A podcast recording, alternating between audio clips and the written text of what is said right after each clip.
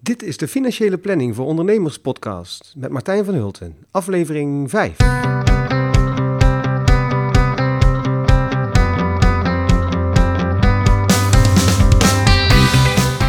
Ben je al jarenlang ondernemer? Net gestart? Of heb je plannen om voor jezelf te beginnen? In deze podcast krijg je informatie over alle mogelijke zaken waar je als ondernemer tegenaan loopt. Ik ben Martijn van Hulten, financieel planner en belastingadviseur en zelf al ruim 13 jaar ondernemer. Inmiddels ruim een week geleden heb ik aflevering 5 opgenomen. En eh, dat was vlak voor het weekend dat eh, carnaval begon.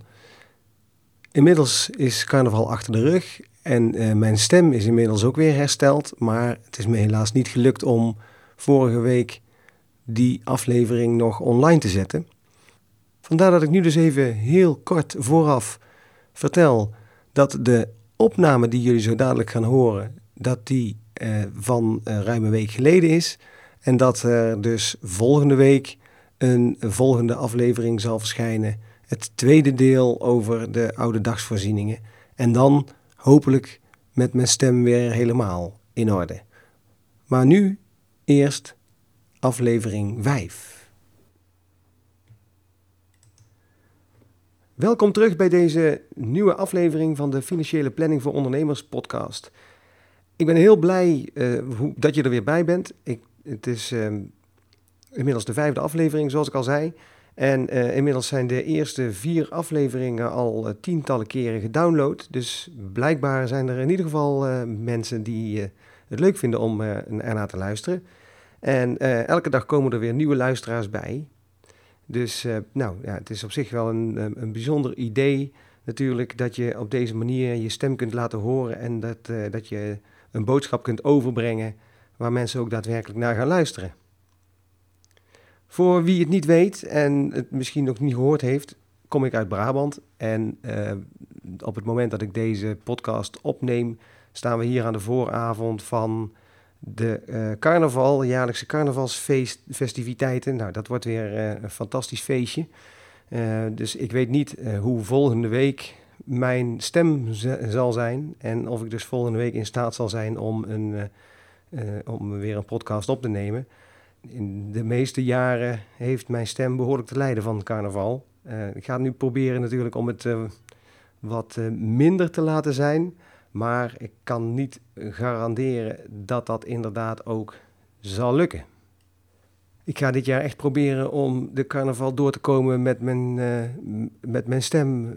dus dat hij het aan het einde van, van de carnaval nog doet. Maar ik weet nog niet zeker of dat ook gaat lukken. Deze aflevering van de Financiële Planning voor Ondernemers podcast gaat over uh, oude dagsvoorzieningen, over je oude dag, over je pensioen. En uh, hoe uh, moet je daar nou eigenlijk naar kijken? Iedereen moet daar iets mee doen. Hè? Dat is natuurlijk voor een, een, particulier, iemand die, of iemand die in loondienst is, is dat een stuk makkelijker. Want die heeft dat over het algemeen, wordt dat dan door de werkgever geregeld. een ondernemer die zal zelf iets moeten doen aan zijn pensioen. Dus is er des te meer reden om daar af en toe eens goed over na te denken. Psychologisch blijkt pensioen nogal een lastig ding te zijn.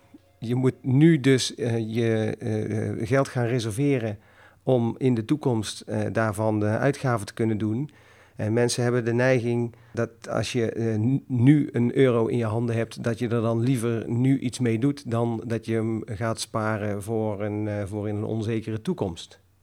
Misschien haal je het wel niet eens je pensioendatum. Hè? Dus waarom zou je nu veel geld apart gaan zetten om daar wellicht later een keer gebruik van te kunnen gaan maken?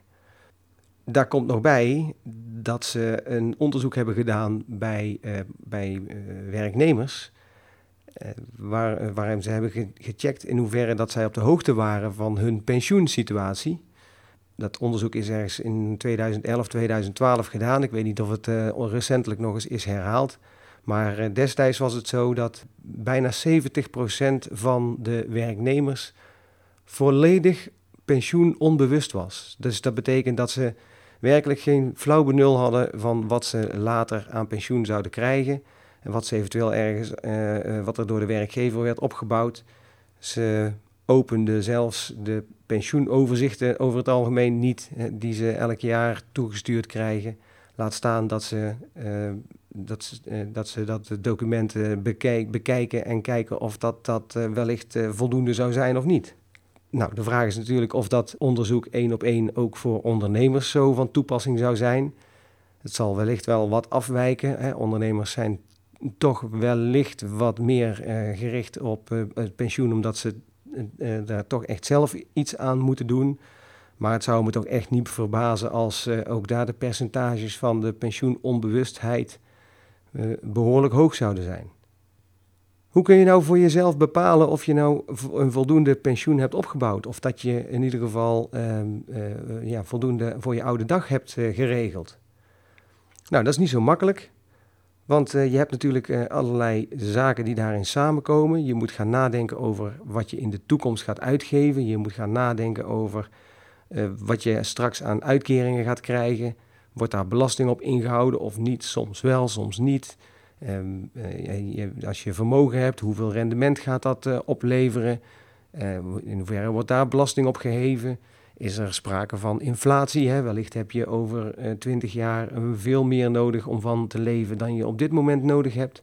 Dus er zijn allemaal onzekerheden die het maken, die, die ertoe leiden dat veel mensen de, het nadenken over een pensioen maar liever uh, opzij zetten en ja, eigenlijk een beetje hun kop in het zand steken en denken van nou we zien te zijner tijd wel waar we uitkomen. Nou, toch moet het mogelijk zijn om met een beetje nadenken om toch eens een, een beeld te krijgen van hoe je er financieel voor staat straks als je gaat stoppen met werken. En ehm, in deze aflevering van de podcast ga ik je in een aantal stappen vertellen hoe je daar een beetje, zelf een beetje een beeld van zou kunnen vormen. In de volgende aflevering van de Financiële Planning voor Ondernemers podcast ga ik vertellen wat voor soorten eh, pensioeninkomen er zijn. Je hebt uh, pensioen en lijfrente en dat soort zaken. Uh, maar misschien heb je wel genoeg spaargeld. En wat ga je dan doen met dat spaargeld? Ga je dat beleggen om in de toekomst pensioen, tijdens je pensioen je uitgaven van te kunnen doen? Of ga je liever misschien je hypotheek aflossen? Want dat kan natuurlijk ook ertoe leiden dat je minder uitgaven hoeft te doen en dus dat je meer bestedingsruimte hebt. De eerste stap is de vraag: hoeveel heb je eigenlijk nodig straks als je met pensioen bent? En want het idee is natuurlijk, wat is nou een, een financieel onbezorgde oude dag? Wanneer heb je dat, een, een onbezorgde oude dag? En als je het over pensioen hebt, dan uh, denken veel mensen natuurlijk meteen aan een pensioenfonds of een, pensioenverzekeraar die een, uh, een uitkering gaan uh, betalen als je een bepaalde leeftijd hebt bereikt. En natuurlijk is dat wel, dat zijn natuurlijk pensioenuitkeringen. Maar dat is niet alleen niet het enige wat je moet bekijken als het gaat over je financiële situatie tijdens je oude dag. Uiteindelijk gaat het er namelijk niet om hoeveel je binnenkrijgt, of tenminste dat is niet het belangrijkste, maar het belangrijkste is wat je kunt uitgeven. Je hebt eigenlijk een goed pensioen als je de rest van je leven voldoende geld hebt of binnenkrijgt om uit te geven. En uh, dat je dus de, de, dus de dingen die je wil doen, dat je die ook daadwerkelijk kunt doen. En dat is best lastig, want je moet dan dus nu al bepalen wat je in de toekomst gaat uitgeven. En mijn ervaring is dat veel mensen daarom uh, zoiets hebben van, nou ja, dat is bijna niet te bepalen, dus ik ga er nu maar niet te veel over nadenken. Uh, nou ja, dat zou in, in, jouw situatie ook zo kunnen zijn. Dat je denkt van, nou, dat, uh, dat kan ik allemaal moeilijk inschatten, dus daar ga ik maar helemaal niet over nadenken. En zeker bij startende ondernemers is dat natuurlijk ook een, is, is nog een bijkomend punt dat je toch in ieder geval ook een, een bepaald inkomen zult moeten hebben om uh, iets apart te kunnen zetten. Dus uh, uh, je nogal makkelijk praten om te zeggen van je, je moet een bedrag voor x per maand opzij zetten. in een situatie dat je eigenlijk nog je bedrijf aan het opbouwen bent. En toch ga ik proberen in deze aflevering van de Financiële Planning voor Ondernemers podcast om ergens een zaadje te planten in je brein, wat misschien uiteindelijk gaat leiden tot een, een, een, plantje.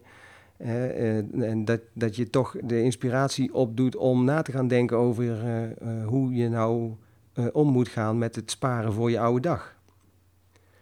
Uiteindelijk gaat het om, om de uitgaven dus. En er zijn eigenlijk twee soorten uitgaven die je hebt als je straks gestopt bent met werken. Dat zijn namelijk de uitgaven die je moet doen en de uitgaven die je graag wilt doen. Kijk, de uitgaven die je moet doen zijn bijvoorbeeld uh, uh, uitgaven voor een dak boven je hoofd en dat de verwarming aan kan. En dat je een bepaalde basishoeveelheid eten kunt kopen en dat je basiskleding uh, kunt kopen en wellicht dat je bepaalde zorgkosten kunt betalen. Dat zijn basisbehoeften waar je in moet kunnen voorzien als je gestopt bent met werken en als er dus geen inkomen meer binnenkomt van een werkgever of van een, uh, vanuit je onderneming.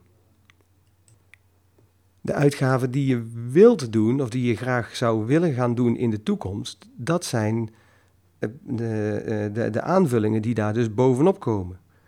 Daar gaat het om bijvoorbeeld een vakantie of het rijden van een auto of het beleg op je boterham. Dat zijn dus zaken die, niet, eh, eh, die je misschien niet strikt nodig hebt om uh, te, te, kunnen leven na je, nadat je gestopt bent met werken, maar die het leven wel een stuk prettiger maken.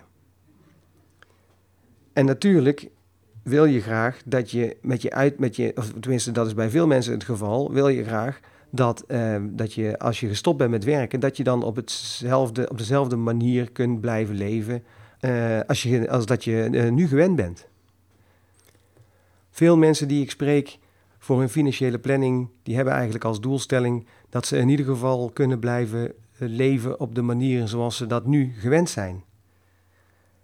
En als dat het uitgangspunt is, dan kun je natuurlijk wel met enige slagen om de arm beredeneren of uitrekenen hoeveel je dan daadwerkelijk nodig hebt. Want als je nu precies bijhoudt hoeveel je per jaar uitgeeft en waaraan, dan kun je heel mooi de splitsing maken in die uitgaven van het gedeelte van de uitgaven wat je straks ook moet blijven uitgeven en een gedeelte van de uitgaven die je misschien wel graag wilt blijven uitgeven, maar niet per se noodzakelijk zijn. Dus het kan een mooie oefening zijn om nu je, uh, je uitgaven op een rijtje te zetten en per uitgavensoort te bedenken hoeveel je daar straks nou nog voor nodig hebt. Sommige mensen hebben bijvoorbeeld een spaarhypotheek. En dan weet je al dat een gedeelte van je hypotheek straks afgelost zal zijn uit de spaarrekening die je aan het opbouwen bent. Ja, als een, een hypotheek is afgelost voordat je stopt met werken, dan hoef je natuurlijk daar de rente niet meer over te betalen. En dan heb je dus op dat moment minder geld nodig om van te leven dan uh, op dit moment. Kijk, en lastiger wordt het natuurlijk om te voorspellen welke kosten je straks zult hebben. En zeker als het gaat om kosten die je nu nog niet hebt. Ik kan me zo voorstellen bijvoorbeeld dat je in de toekomst uh, verwacht meer uit te moeten gaan geven aan zorgkosten. Omdat nou eenmaal uh, de zorg, de zorg uh, steeds meer onder druk komt te staan. En de beweging, in ieder geval de neiging is om mensen steeds meer zelf te laten betalen. Nou, als dat zo blijft, als dat zo blijft doorgaan, dan zal in de toekomst zul je wellicht veel meer aan zorg moeten betalen dan, uh, uh, dan op dit moment. Zoals ik al zei, is dat voor sommige mensen een reden om op dit moment er helemaal nog maar niet over na te willen denken. Maar ik denk dat dat niet verstandig is. Je kunt beter nu een klein beetje aan je pensioen doen en een klein beetje apart leggen om in ieder geval die basisbehoeften, dat gedeelte van je, uh, van je uitgaven, wat je toch moet blijven doen, om dat ook te, te kunnen doen. Uh, zodat je in, op een later moment, als je wellicht wat meer ruimte hebt om te sparen, dat je dan kunt gaan sparen voor de uitgaven die je misschien wel niet per se moet doen, maar die je wel graag zou willen doen om op een comfortabele manier te blijven leven. Dus het feit dat het een beetje onduidelijk is wat nou in de toekomst je uitgaven zullen zijn en hoe je situatie over 20, 30, 40 jaar misschien zal zijn, is het toch wel heel verstandig om uh, daar nu al uh, actie in te ondernemen. Als je dan duidelijk hebt wat nou de uitgaven zijn die je straks moet gaan doen of wilt gaan doen, ja, dan is natuurlijk de vraag waar, dat je dat, waar ga je dat dan van betalen? En uh, zoals ik al zei, veel mensen hebben het idee van pensioen, dat is eigenlijk uh, het, bedrag, het geld wat je krijgt van je pensioenverzekeraar. Nou, dat is natuurlijk niet het enige. Want uh, als je voldoende geld gespaard hebt op een spaarrekening, ja, dan heb je misschien dat geld van, dat pensioen, van die pensioenverzekeraar wel helemaal niet eens nodig om van te leven. En als je bijvoorbeeld je hypotheek helemaal hebt afgelost, ja, dan heb je veel minder nodig dan je nu misschien zou denken om van te leven. Er zijn dus allerlei manieren om je uitgaven te blijven doen als je eenmaal uh, gestopt bent met werken. Allereerst kun je natuurlijk denken aan de AOW, de Algemene Ouderdomswet. is een uitkering die iedereen op dit moment in ieder geval nog krijgt die ouder is dan 67, eh, eh, voor, of een aantal nu nog 65. Eh, Langzamerhand gaat die leeftijd opschuiven naar 67. Ehm, dat is een soort basisvoorziening voor iedereen. als je je hele leven in Nederland hebt gewoond, dan krijg je de volledige AOW. En dat ehm, komt neer op een, een 700, 800 euro netto in de maand op dit moment. Uh, de vraag is natuurlijk in hoeverre dat dat houdbaar zal blijven om die AOW te betalen. En of dat ook in de toekomst, als uh, jij en ik met pensioen gaan, uh, of, of dat dan ook nog steeds een, of dat dan ook nog steeds bestaat. Naast AOW kennen we ook dus de normaal bekende pensioenuitkeringen. Dat zijn bedragen waarvoor bij een werkgever is gespaard in het verleden waarvoor een spaarpotje is opgebouwd. En uit dat spaarpotje wordt dan levenslang een bepaald pensioen betaald. Sommigen hebben nog uh, zelfs prepensioen opgebouwd, dus pensioenuitkeringen die al komen voordat je de AOW krijgt. Maar tegenwoordig zijn de meeste, meeste pensioenverzekeringen die gaan in op de AOW-datum. En voor de meeste mensen, met name de wat jongere mensen, zal dat minimaal 67 eh, jaar zijn. Van zo'n pensioenuitkering krijg je elke, elk jaar, of uh, als je een pensioen uh, niet meer opbouwt omdat je in, inmiddels uit dienst bent bij die werkgever, dan krijg je dat één keer in de, in de vijf jaar minimaal. Uh, krijg je een overzicht van wat voor pensioen je kunt verwachten vanaf het moment dat je stopt met werken. En um, de bedragen die dan op zo'n UPO, zo'n uniform pensioenoverzicht staan, dat zijn bedragen die bruto zijn. Dus daar moet, nog, moet nog belasting van worden betaald. En dat zijn bedragen die per jaar zullen worden uitbetaald. Nou, en dan is de ervaring dat, dat dat dan in netto euro's vaak nog best wel tegen kan vallen, wat je dan daar uiteindelijk van overhoudt. Maar ehm, je kunt wel globaal ervan uitgaan dat uh, als je 40% belasting aftrekt van die bruto uitkering, dat, dat dat toch minimaal zal zijn wat je aan uitkering daarvan zal krijgen. Dat is natuurlijk een hele globale berekening en die zal vast niet altijd heel accuraat zijn, maar om een beeld te krijgen van wat voor uitkering je in de toekomst gaat krijgen, um, is dat misschien wel een aardige vuistregel. Mocht nou je pensioen en alles wat je opgebouwd hebt aan lijfrente bijvoorbeeld en pensioen en andere belaste uitkeringen die je krijgt na je, uh, de, na je 65ste of 66ste of 67ste, mocht dat uh, bedrag nou bij elkaar opgeteld boven de 55.000 euro uitkomen, dan moet je er rekening mee houden dat je over een gedeelte van die pensioenen zelfs 52% belasting zult moeten betalen. Dus in, dat soort, in die gevallen blijft wordt de netto-uitkering dus nog een stukje lager. Nou, dan hebben we dus de AOW en pensioenuitkeringen. Maar misschien heb je dus ook nog lijfrente-uitkeringen die je kunt verwachten. Dat zijn dan uitkeringen waarvoor je in het verleden een premie hebt gestort in een lijfrenteverzekering of in een banklijfrente. En uh, die vanaf uh, je 65ste of 66ste of 67ste, wat je wil, een, uh, dat er een uitkering gaat komen. Ik zal in de aflevering van volgende week zal ik, wat verder ingaan op de verschillende soorten uitkeringen die er dan kunnen komen en hoe je daar dan het beste mee om kunt gaan. En naast je inkomen, dus de inkomsten uit AOW, pensioen en lijfrente, kun je natuurlijk ook gewoon je uitgaven doen vanuit je spaargeld. En als je geld hebt gespaard wat, je in, wat in box 3 uh, eh, staat, wat in box 3 belast wordt, ja, dan is dat geld gewoon te gebruiken om ja, je, de boodschappen van te doen en om de energierekening van te betalen en de, de, de ziekenhuisnota's. En sommige mensen hebben daarnaast ook nog kapitaalverzekeringen afgesloten waar ze premies aan hebben betaald en die op een gegeven moment een uitkering geven. Nou, die uitkeringen, op het moment dat die vrijkomen, dan uh, uh, komen die gewoon op de uh, bankrekening erbij. In sommige gevallen moet daar dan nog belasting over worden betaald, maar heel vaak niet. En die, die bedragen zijn dus ook gewoon beschikbaar om van te leven of om op in te teren na je, na je pensioen. Veel mensen zijn erop gebrand om te proberen zoveel mogelijk hun spaargeld in stand te houden. Maar natuurlijk is het eigenlijk uh, de bedoeling, als je een mensenleven bekijkt, dat je in de jaren dat je werkt een vermogen opbouwt. En dat je dat vermogen wat je dan hebt, om dat dan in de periode nadat je gestopt bent met werken, langzamerhand weer uh, op te maken. En uh, nou ja, ik heb wel eens uh, de, de grap gehoord dat, dat een, een goede financiële planning ertoe leidt dat je op de laatste dag je allerlaatste euro uitgeeft en dat je dan doodgaat.